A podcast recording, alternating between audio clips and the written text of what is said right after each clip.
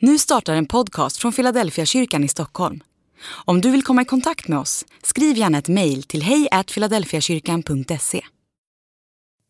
Dag 101. Förlåtelse. Förlåt. Vi använder ofta det ordet som ett socialt smörjmedel. Jag har hört människor be om förlåtelse trots att de inte hade en aning om vad de har gjort för fel. Det enda de ville var att skapa goda relationer och eftersom de kände sig missförstådda så bad de om förlåtelse, liksom i förebyggande syfte. Några verkade vara irriterade på dem och det skulle rent teoretiskt kunna bero på att de hade begått något fel. Dock hade de ingen aning om vad det var för sorts fel, men eftersom de var vänliga människor, allt för vänliga människor, så bad de om förlåtelse. Det resulterade i att de irriterade blev ännu mer irriterade. Nu hade ju några bett om förlåtelse och det måste väl ändå betyda att de var skyldiga. Istället för att det löste problemet så la det in en växel till. Nu hade de erkänt en skuld. Frågan var bara vad. Vi använder ordet förlåt på ett alldeles för lättsinnigt sätt. Det vore kanske bättre att beklaga. Man kan beklaga att människor har missuppfattat eller fått fel intryck. Men förlåtelse ska man bara be om när man vet att man har gjort sig skyldig till ett verkligt felsteg. Man ska inte be om förlåtelse för saker som man har gjort i god tro.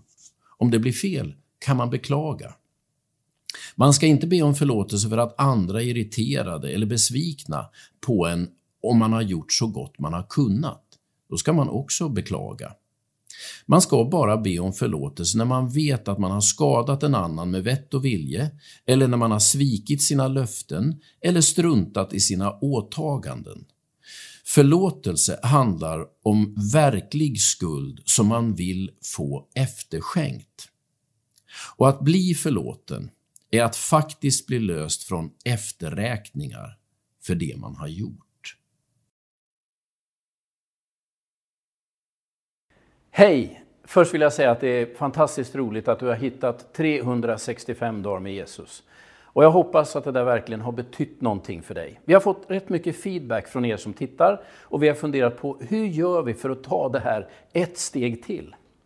Vi har nu bestämt att vi ska starta Philadelphia online. Det vill säga en community där du kan få del av våra gudstjänster, av bibelstudier, av poddar, av sådana här typer av böcker som vi ger ut. Det kommer att kosta 99 kronor i månaden för att täcka produktionskostnader. Men för de 99 kronorna i månaderna så kommer du också vara med och stödja ett av våra mest behjärtansvärda missionsprojekt. Ett barnhem i Gakwende i Burundi för de absolut mest utsatta barnen. Vill du veta mer om det här, den här möjligheten så gå in på filadelfiakyrkan.se online. Gud välsigna dig den här dagen.